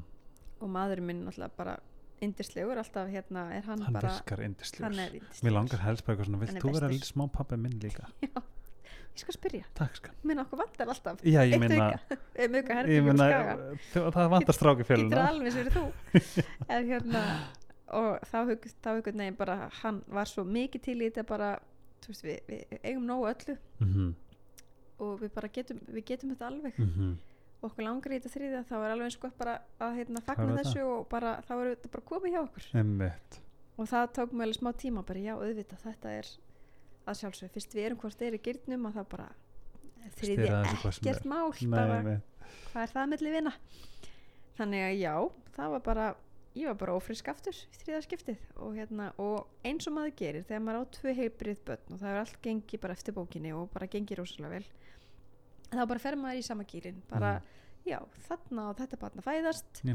Fer bara að gera einhvern veginn ráðstafanir og fer kannski að velja barnanöfn af því það er það sem ég geri af því að Mhm. ég er verðspennt Ingibjörg Rós, ekki satt? Ingibjörg Rósa og. Kristín Rannveig. Kristín Rannveig, Já. Ingibjörg Rósa í höfuð á báðum ömmum, ömmum sínum Ó, og Kristín Rannveig í, í höfuð á báðum langömmum sínum. Nei, æði, Sko, svo dæni sýstum er dæni það er tvær efnar, það er svo, ég er sko nýrað í mér. Ég, mynd, ég er alltaf á því að skýra í höfuð á fólki. Ó, ég, æði. Það skiptir mér máli. Þú manst bara Helgi Snæ ég bara helgi Ef það snæ kemur það er sko og ég var alveg bara handur sem þetta er strákur og við komum með nafn og, og bara einhvern veginn alveg til í þetta. Mhm. bara byrja að hugsa hvernig við ætlum eiginlega að skipta orlofunu og Mm. allt þetta sem að því fylgir. Mhm. um, en svo bara kom það í ljós á tíundu viku að, að sem því var í upptökum á maturslu þáttunum mínum Mhm. og það byrjaði að blæða í mig upptökum sem var bara mjög ó, svona, ó, bara hefði ekki var ekki búið að gerast áður á Mhm. hinum meðgöngunum mínum þannig að Mhm. strax svona fannst mér þetta mjög skrítið og það er enn skrítnar að vera í upptökum og láta svo allt sé í lagi og vera voðarlega settli og fín í emmitt en á meðan einhvern veginn er þér að blæða og þú veist ekki hvað er að gerast og þú ert í algjöru paniki Mhm. innra með þér sem ég var og hérna ákvað bara að klára tökurnar af því að, svo, að því fór að googla þig og þá, þá stóð eitthvað staðar að það var bara mjög eðlilegt að kemur blæðingar og ég einhvern veginn bara já já, þetta verður bara allt fínt og svo bara dreifum eftir tökur upp á spítala og þar kom að ljósa að það var ekkert líf lengur í fóstrinu og það var ótrúlega bara ótrúlega sorglegt Mhm. og bara fyrst einhvern veginn ætla ég bara, já, já, þetta er ekkert mál þetta verður bara ekkert mál Var það kannski fyrir framann já, eitthvað eða já, eitthvað svona en svo bara fór, svo fór ég nánari skoðun og þá bara einhvern veginn gæti ég ekki leinti svo bara grét grét aftur, já, en, Mhm. en, en þetta var svo, þetta var ofsalega vond tilfinning og allar hugsanina sem fóru gegnum hausuna mér og svo vildi ég einhvern veginn ekki vera útgráta þegar stelputum minni kemur heim þannig að maður einhvern veginn harkað sér Mhm. Eins og einhvern veginn sé þær tvær og bara guð hvað ég er heppin. Guð hvað ég Mhm. er ótrúlega heppin að eiga þær. Mhm. því ég geti bara ekki í lífi mínu ímynda mér að eiga ekki börn og fá gang, gang, ganga í gegnum þetta vegna þess að ég fann svo miklu huggun í þeim eða bara að Mhm. ég á þær. Guð hvað ég er heppin. Þetta er svo sannarlega ekki sjálfsagt. Og líka bara að- konur sé að ganga í gegnum þetta aftur og aftur og aftur því þó að þetta sé fóstur þá ertu samt að syrkja einstakling sem þú áttu vona á.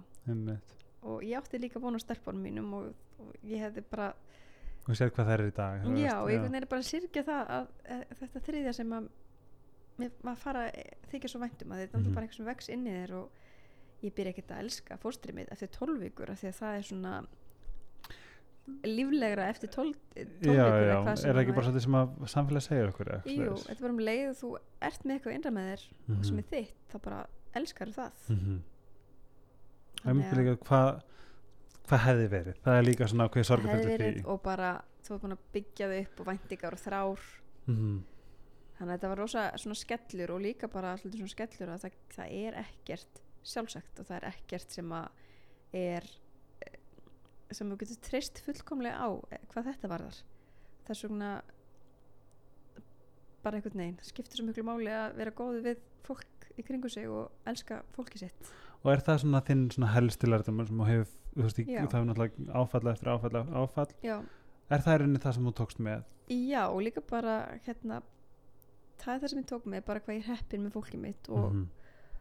og kannski svona minna ég nenni minna af einhverjum leiðindum og óþarfa óþarfa Mhm. fólki sem ég hef ekki áhuga á að vera með Mhm. ég er búin að, bad vibes já, og ég er bara búin að pínu að ég veit bara lífið er alls konar Mhm. stundum er ótrúlega gott og stundum er ekki ótrúlega gott en ég hef alltaf þetta fólk mitt og meðan ég hef það þá Mhm. skiptir ekkit annað máli og ég ætla bara að vera eins gott að vera þakklátt fyrir þau Mhm.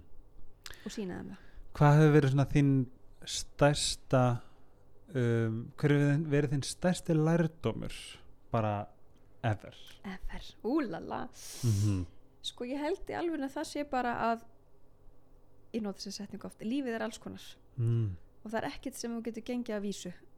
Mm. og bara að að lifa núna. Og ég þarf alveg að segja mér þetta núna og hæja á mér og bara að lifa í núinu. Þetta hljómar rosa einfalt en við erum alltaf að hugsa um eitthvað annað og við erum alltaf að hugsa um hvernig við getum verið svona, svona, svona, svona og hvernig getum gert þetta, þetta betur. Mhm. bara reyni alveg að staldra við. Bara að lifa í núina því að það er ekkert sjálfsagt. Og er þetta einhver svona mantra sem, sem þú svona átt? Já, þarf alveg að minna mig á. Mhm. Guðmugóður, ég þarf að minna mig á það. Ég á alveg erfitt með það hérna, að vera róleg.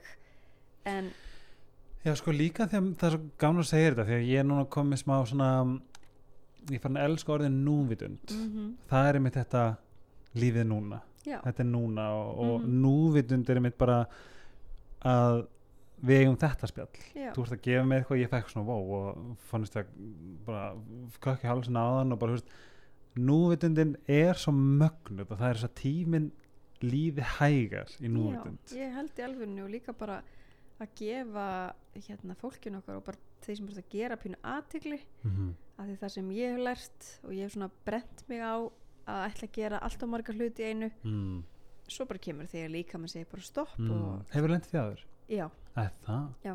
Kulnun bara já, að það gerðist eitthvað í hérna fyrir mig og það gerðist eitthvað fyrir mig núna í, á þessu ári mm þetta er búið að vera lært um síkasta ár sem ég hef átt á æfinni Er það? mm Árið ári, já árið í ár og árið kannski fyrra er aflegging þess að það Já. sé svona Emmitt það Þetta var þetta í ár sem þetta gerðist með Já. fórspilið? nei það var í fyrra Fyrra, já, já. einhvern veginn amma, amma dó og hérna fóstum við sér og ég einhvern veginn var að það var all, alls konar máli gangi Mm og mikið að gera í vinnunni og ég einhvern veginn í bara einhverjum spreng já, hérna smá döðu tími sem var ekki döðu tími að já, já, ég klára bara að býja sér í viðskiptafræði, klára það. Og einhvern veginn búin að vera einhvern veginn í þessu í 100% starfi á stöð Mhm. 2 og einhvern veginn komum auka 100% starf á Mhm. samfélagsmiðlum. Já, emmitt og ætla líka að gefa bækur og ætla líka að vera geggju mamma, mm -hmm. geggju eiginkona, góð vinkona fara rektina, vera hauslang sem ég er ekki. Og, og ég halda það fínu heimili, elda hverjum vera fullkomin húsmóðir. Ég er það bara ekki en ég, ég get ekki verið þetta allt Og finnst þér ekki alltaf lagi? jú, Ó. núna finnst mér alltaf leið Gott að það en þetta það er búið að taka mig það er búið að taka mig góðan tíma að, að fatta að, að orðið ofurkona er bara vondorð mm. og mér langar ekki að vera ofurkona mm. og mér langar helst ekki að fólk segja já þú ert svo mikil ofurkona, nei það er bara, Þú ert kannski bara kona já ég vil bara Með öllu því sem að upp og niður sem fylgir ég er bara svo hrætt við kröfurnar sem að hérna nú ætlum ég ekki að kenna öðrum konum um en hérna, þetta eru kröfur sem við konur ég held að þessi sérstaklega konur sem setjum á okkur sjálfar mm -hmm. að við viljum standa okkur svo vel á öllum vikstöðum Mm -hmm. en vandamáli er bara að við höfum ekki, það er bara ekki fræðilegu möguleiki að ná að sinna öllu því sem þú ætlar að sinna og það er einhvern veginn krafa gerðum og sérst í 100% vinnu helst í námi með, mm. verðt í óaðfinnalegu formi já, og já. góðu sambandi börnin eru tip-top og veginn þú ert með geggjaða rútínu hvað var að mat og Já. bara heimilsbókald og heimilstrif og mm. það kemur það kemur bara ákveðin svona, já, kemur bara ákveðin lína sem að konu þurfa að draga línun og bara heyrðu ég þarf ekki að gera allt Nei. ég fekk, ég til dæmis eitt af því sem ég gerði var að fá aðstofið heimilistrif já, veist bara góð og, hugmynd og og minka aðeins að forgangsa betur, minka aðeins kannski álæðið af einhverjum, einhverjum nokkrum stöðum í lífi mínu og hérna einbeta mér að því sem að skipti mig máli einhver sagði að maður getur bara valið held ég tvent eða þrenn mm, það var góður í já. Já. að þú veist, og segir sko, þú veist form, kærasti eins og, þú veist, mamma Mhm. í þín tilfell þú veist, allt þetta sem varst að telja upp, vinna, skóli mm í, manni hvort það veri tvent eða þrennt það var bara eitthvað svona bara svona, þetta bara svona, eitthvað svona vísindaleg uh, hérna, sálfræði könnun eða hvað sem það var, -hmm. bara veldu þrennt gerða það vel, já, ég held, svona ég held það sé bara alveg hár rétt. Og líka bara að hérna samanburði við aðra mm, og líka með tilkomu samfélagsmiðla. Ég á svona ástar hattur sambandi við það sjálf. Mm, en auðvitað bjóða þeir upp á alls konar tækifæri og tækifæri og en að sama tíma eru þeir kannski pínu blekkjandi mm, en ég held samt sem að fólk viti það að engin líður fullkomnu lífi. Mm, en, og við, mér langar ekki að senda mynda með þeir einhvern veginn að væla yfir einhverju eða mér langar bara að setja inn fallega minningar frá mér og mínum. Emmitt en ég held að maður þurfa að taka öllu með svona pínu hafa varan á og vera ekki að hérna, bera sér saman við aðra. Og þessi samkeppni og þessi hraði og þetta, bara, þetta er, það er ekki gott. Segðu mig hvernig þú úr þessu, segjum þegar eins og þú, þú, þú taldir þetta upp. Ég, ég fekk bara oh my god. Hvernig vannst þú þessu, hvað í rauninni hver var uppgötunin? Mm -hmm. hver var, hver var úrræðin? Og hver eru ráðin mm, frá þér fyrir, til aðra annara, aðra, annara? Um,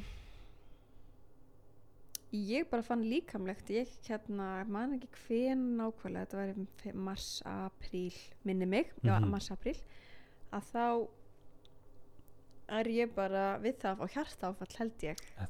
Já, lýsi sér þannig og ég hérna bara heima að kvöldi til.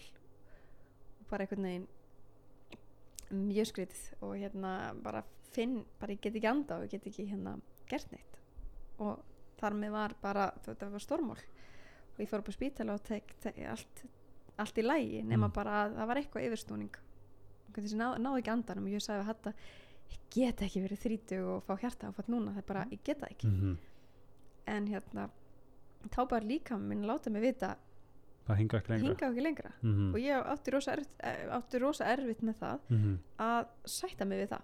Að hérna, ég get ekki, að ég hef alltaf verið á yfirsnúning ég veit það. -hmm. og alltaf einhvern veginn verið að halda mörgum boltum og Ertu hyperaktiv sem manneskja? mér langar bara alltaf svo mér langar, ég bara set með markmið sem eru kannski óraun, mér langar bara alltaf að gera eins vil og ég get Mm. gera eins meira og hérna, mm. daldi þannig Einmitt. og þar eins og tölum á þann að vera kannski ekki nóg góð við sjálfan sig Mm að hérna að vera alltaf að gera betur og vera hérna, Aldrei nóg gott aldrei ná gott mm -hmm. sem er rosa vant Þa, það var alveg mitt ekkert af því sem ég gerði það sem er gott og ég var bara fyrsta mannskjönd til að brjóta mig niður menn allir einhvern veginn í kringum mig bara flott hjá þeir og mm aldrei nokkuð tíma fannst, sá ég það sjálf.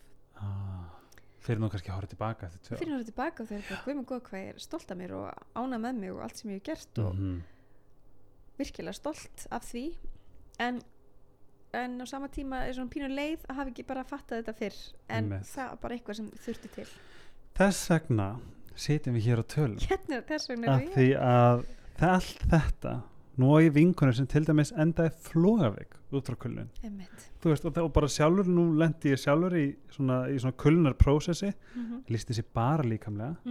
Það er ótrúlegt. Þetta er bara, veistu, þetta er þess vegna maður má alveg taka skrif tilbaka já, og og setja líka grensur. Nefnilega. Er- og, til vinni veit þetta síns hvað svona er. Og kannski bara aðalega til þarna, sjálfa þig bara. Mhm. ég held að það sé, það, hjá mér líkur það því að vinnuveldundu mínir og allir í kringum við veittu þessu bara fullkomlegan skilning og bara þvílíkt gott fólk í kringum mig. Þetta er bara ég sem veist að vinna í mér og hérna bara fara að forgangsa það upp og nýtt um, og bara svona að tekja mig aftur bara hver, hver er ég, nú er ég orðin þrítug já, búin að gera þetta og þetta, þetta sem voru mín markmið hér áður fyrr. Hver er ég og hvert, hvert langar mig að fara? Mm. hver, hver voru úrræðin úrræðin voru bara meðferð sálfræði meðferð. Já, þú fórst bara í sálfræði með Já. og það á heldur ekki að vera tapu og þetta er það besta sem ég hef nokkuð tíma gert. Mhm. og ég segi þetta við hvert sem vil heyra að þetta er eins og að fara í í förðun, í hár og í sko nutt og neglur og bara allt sem maður ma ma gerir til að degra við sig. Bara, hvað er þetta, ristil reynsun og bara, þetta er bara þetta jafnast á við bara hinn fullkomna degutíma að fara til sálfræðings og það ég er bara gott að segja þetta. það er svo bara hvet alla. Og guð mig góður það þarf ekki að vera mikið sem er að eða þarf ekkert að vera að. Nei. að bara tala við einhvern aðila sem að er yfir einhvern veginn engum hagsmunum að gæta og þekkið ekki neitt. Mm og er bara að tala við þig af, af faglegum nótum. -hmm. guð mig góður, nýttu það. Bara eins og alveg og bara routine stuff. Mér finnst bara svo sárt og súrt, eh, frekar súrt ekki sárt mm að hérna fólk einhvern veginn feli það að það sé eitthvað að -hmm. og að ma- koma einhverju brestir hjá manni Mm. andlega það bara er óeðlilegt ef við erum öll bara í fullkomni jafnvægi alltaf og við þurfum að vera óhrætt við að fá aðstóð þegar þess þarf og líka bara áður en að kemur eitthvað fyrir -hmm. og líka bara ef mann vantar að álita einhvers og bara í hveit alla og ég er alveg mjög óhrætt við að segja þetta að mér, mér finnst að allir ættu að, að fara af og til til sálfræðings Mhm. Hver eru verkværin, svona aðalega verkværin sem þú fegst, þessi andlu verkværi sem þú fegst í kjölfari til þess að svona, bara koma mér aftur tilbaka já. Já, það er bara að forgangsraða nummer 1, Mhm. 2 og 3 og líka bara læra að hérna elska mig mm og elska það sem ég er að gera Mhm. og bara að tala mig til. Stanslust, eiga þetta samtal. Stanslust ég er stanslust að tala mig til og þegar ég er einhvern veginn farin að skipulegja næsta ár og hérna, ég ger þetta alveg ennþá eins og í, um daginn var ég ég bara vill hafa nánast alla daga uppbókaða Nei, og þetta er hræðilegt, þetta er ekki gott sko. þú ættir að flytja í Danmörkur Ég þar er þú bara bara welcome. Welcome there. Nei og það er ekkert gott, þetta er gott að vera með eitthvað plön og skipulag og, og hérna. Og ég er líka að læra bara að segja nei við verkefnum. Mm ég get ekki gert allt. Ó, Það er sagði já um mig, takk fyrir að já við segja þig. það er já líka bara, þú mjög sérstakur maður sko, það svo að segja já við þig.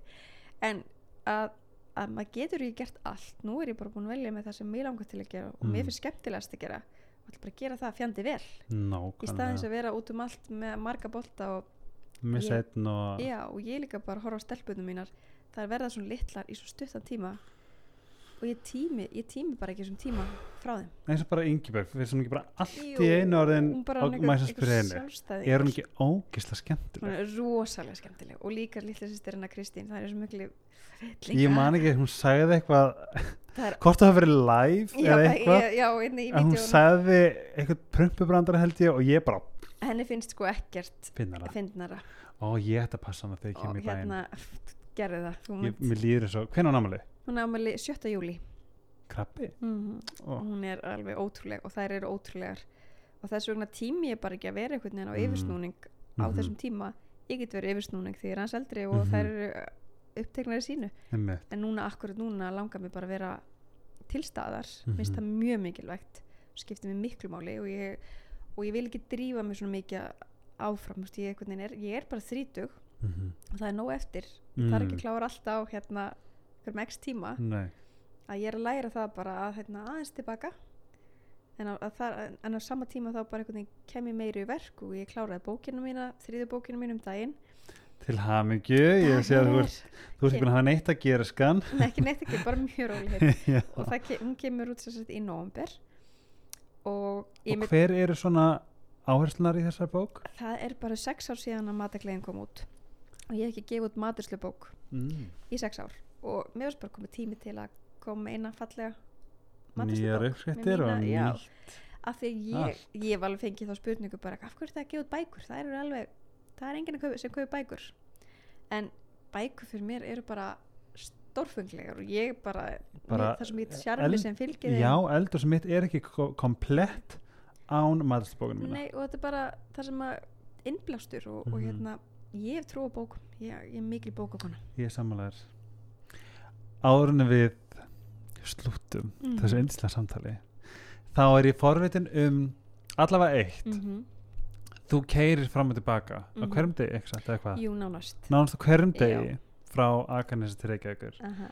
segðu mér, hver er rútínan? Rútínan Er það Beyoncé, er það andlegt samt áttu áttu morgun með sjálfrið þér er það andlega, er það samtali við sjálfa þig, Mhm. hvað er svona hvað sem ég geri hver er Eva Mm. frá til Reykjavíkur? Ég eini yfirleitt að því margir spyrja mig hvernig óskupunum nennir þessu og hérna keira svona á milli Mm -hmm. en máli er að ég elska þessar stundir stundum Mm. elska það ekki neitt þegar ég er að drífa mig en hérna í þarna, ég fæ mig alltaf góðan kaffibólla Í bílinn? í bílum, Ok, drekka hann á meðan í bolla eða take-away bolla? Teika upp eða svona, já, svona kaffimál svona ferðakaffimál og, og hérna og keira varlega því ég er ekkert að þó ég sé að fá smá kaffi það Já. alveg- já, já, Já. svo lengi sem ég er ekki með sterkar Eye on the road. En hérna sko að fer bara eftir stemningun í mér hverju sinni. En Mhm. yfirleitt svona mér finnst rosa gott að alveg og því ég er að hlaupa þá lusta ég ekki mikið á tónlist.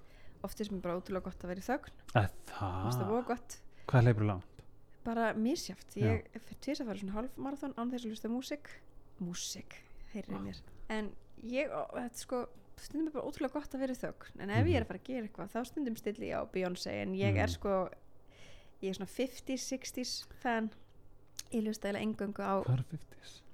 sko, þú veist að tala með lollipop, lollipop úla, eitthvað oh. og svo náttúrulega bara Elvis og Já, ok, ég er alveg það sko Ok, ég er sko 90s mm. Ég er enda bara í stuðinu að hlusta eitthvað svona Já, sko, ég mest í sko veist, Whitney þá veist, Mhm. svona þessir núna já, það er eitthvað svona er svona ég er ekki alveg að tengja tónlistin í dag þannig ég fyrir bara way back Já, ég er ekki alveg það heldur því ég er Mhm. náttúrulega, já, ég er aðeins eldri í mér segir, segja margir, þannig að það er ágætt að ég bara hald, held mig bara við 50s og Einmitt. 60s eins og við amma vorum alltaf að hlusta á mm en hérna, já, það er bara mín rútína, þetta er bara ótrúlega næs stund og stundum, stundum hlusta ég á hlaðvörp sem Mhm. eru mjög, mjög, mjög gott, hlusta á þig til dæmis. Er það? já, ó, og bara ópru til dæmis, hlusta og gott hlusta á ópru bara love it, bara, ég, ég stilli minn í hvern eins og dag með einu óperu það er podcasti rosalega gott. Mm. hjóla alltaf með óperu eða ljósasögunar já, það er ofsalega gott, hlaðvörp eru svo mikil snild að þú bara velur nákvæmlega sem þú hlusta á. Einmitt bara, veist, fyrir á stemningu og, og hérna, Mhm. já, hverju sinni. Já. það er svona mín rútína. Um, það var eitt sem ég ætla að spyrja já, það sem ég ætla að spyrja til síst mm þá spyr ég sko í starfi og lífi. Já. andlega og líkamlega. Mm hvað er frammyndan? það sem er framundan, skal ég segja þér. Uh, nú er ég bara svolítið hérna að finna út hvað mér langar til að gera. Mm þegar ég er búin að vera pínu svona að fara hratt búin, að, búin, að, að gera ímislegt sem að, hérna, búin að vera svolítið í fimmtakirtnum búin að til nú er ég bara svolítið að koma tilbaka og ég er bara að alltaf gefa út bóki núna í nóvambur og fylgja henni eftir. Og hún heitir? Í eldhúsi Efu ok, og hérna og svo bara einhver skemmtileg þáttagerð og svo ég, er ég svolítið að, að, að vinna á samfélagsmiðlunum og búa til efni þar og mér finnst það ótrúlega skemmtilegu miðl eins og Instagrami mitt. Þar er ég svo beintengt við hérna fólki sem eru að horfa. Mm svo gaman eiga spjall. Og ég verð að segja þér ég er bara, ég, ég elska að fylgjast með þér. Þakka bæði hvernig þú talar og hvernig þú kemur hlutunum frá þér og hvað er text að gera þetta svona það er engin rempingur gott að heyra. Já, ert stundu fyrst mér ég vera ég, alveg nei, ég er að segja það bara, ég er bara verður hrósaði fyrir það, ég er bara þegar þú setur eitthvað, það er ég bara bitch I'm watching that. Oh that's good. Mm Nei, líka þetta, er þetta vand með farið, þetta er svona miðil sem að er og, og, og auðvitað hérna er samstörf auðlýsingar, ég hef tekjur af því sem ég gerir vegna þess að þetta vinna. -hmm. og ég er náttúrulega búin að vera svo lengi í, eða svolítið lengi í þessum bransa sem að auðlýsingar eru um allt, ég var að vinna Mhm. á geskjafanum þar sem að ég var að vinna auðlýsingar og gera nákvæmlega sama en ég held bara fólk hafi ekki fatt að það eru auðlýsingar í þáttunum mínum, þetta er allt þetta er allt kostað og það eru auðlýsingar Mhm. út um allt. En ég held að þetta sé svona nýtt fyrir fólki að að auðlýsingarna séu þarna líka en en fyrir mér er það bara óskup eðlilegt því þetta bara er að færast í þetta form. Algjörlega.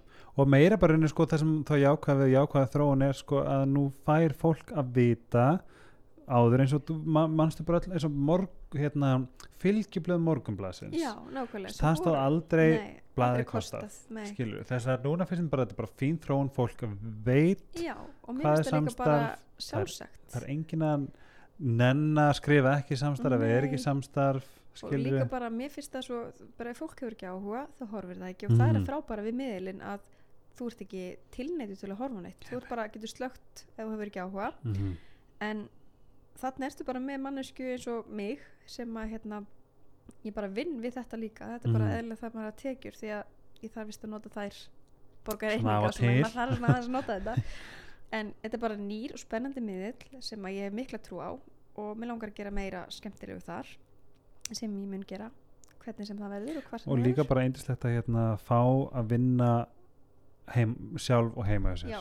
það er sko og bara sko að fá að vinna af það sem maður elskar Mhm. og ég er náttúrulega ekki lærð ég er ekki lærðu kokkur, ég er bara svona sjálfmentuð af mínu, mínu fólki í rauninni og bara í gegnum tíðina en núna er ég að fara sérst, á námskeili Gordon Blue Ég, veistu, veistu hvað þú segir, bara, ég var að hugsta núna, bara, hún, hefur, hún er ekki búin að nefna þetta þess að mér ekki þetta. segi- Nei, ég, bara, ég held að mér dreymdi þetta. en ég er að fara svona námskeið í, hérna, hjá, í skólanum stutt Hven- og námskeið núna í oktober Shit. Og, Og hvernig lýsir það sér? þetta er bara svona grunn aðferðir í bakstri og eftirréttum sem er svona mitt uppáhald. Þú, þú verður eins og Julia, uh, Julia Julia Child. Child þegar hún var bara þarna með frökkunum eitthvað, Já, ég er mjög spennt. Skera laukinn fyrst nákvæmlega, en þetta verður svakalega skemmtilegt. Ég bara veit það fyrirfram. Eða þú verður sem Monica, þú býrði til svona golden star and if you like it, you can give it to me. Þetta verður allavega ævintýri, ég er mjög spennt Hvað er það langt? þetta er, þetta er bara stutt, þetta er bara í oktober þetta er bara nokkuð skipti Ok. Þannig að ég er mjög nú er ég að gera þetta bara fyrir mig er bara Einmitt. til þess að, að svona aðeins að ég kann mjög margt en Mhm. ég kann ekki allt, Nei. eðlilega ekki og ég vil ekki kunna allt og nú er ég bara svona að, að, að, það sem ég langar til að læra meira það verður alltaf í því. betri já, og þú veist það bara að fara að vera þarna í hvað viku, tvær, þrjár er já, að þetta er er svona nokkuð skipti sen, hann ég fer út og er í nokkra dag og fer svo aftur Mm. eftir þannig að spet fyrir þetta bara hvað, tveir og hálf tíma tveir, tveir tíma já, já, já, skvísan fær bara smá me time. Bara smá mömmu á milli Mhm. nei, þetta er nöðsynlegt að hérna, mér vantaði einhver áskorun Mhm. eins og svo en, og þá bara finnum maður út úr því og bara býr til ný markmið og plön og þetta er eitt af því. Og Gordon Blue tengist ekki Gordon Ramsay?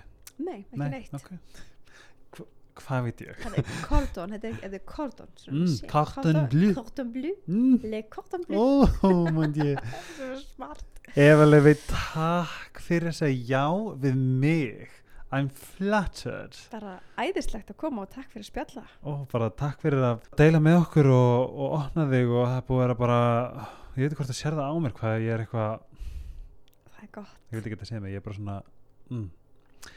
en kannski kemur aftur with a British accent, who, Who knows I'm coming back, I'm coming back for you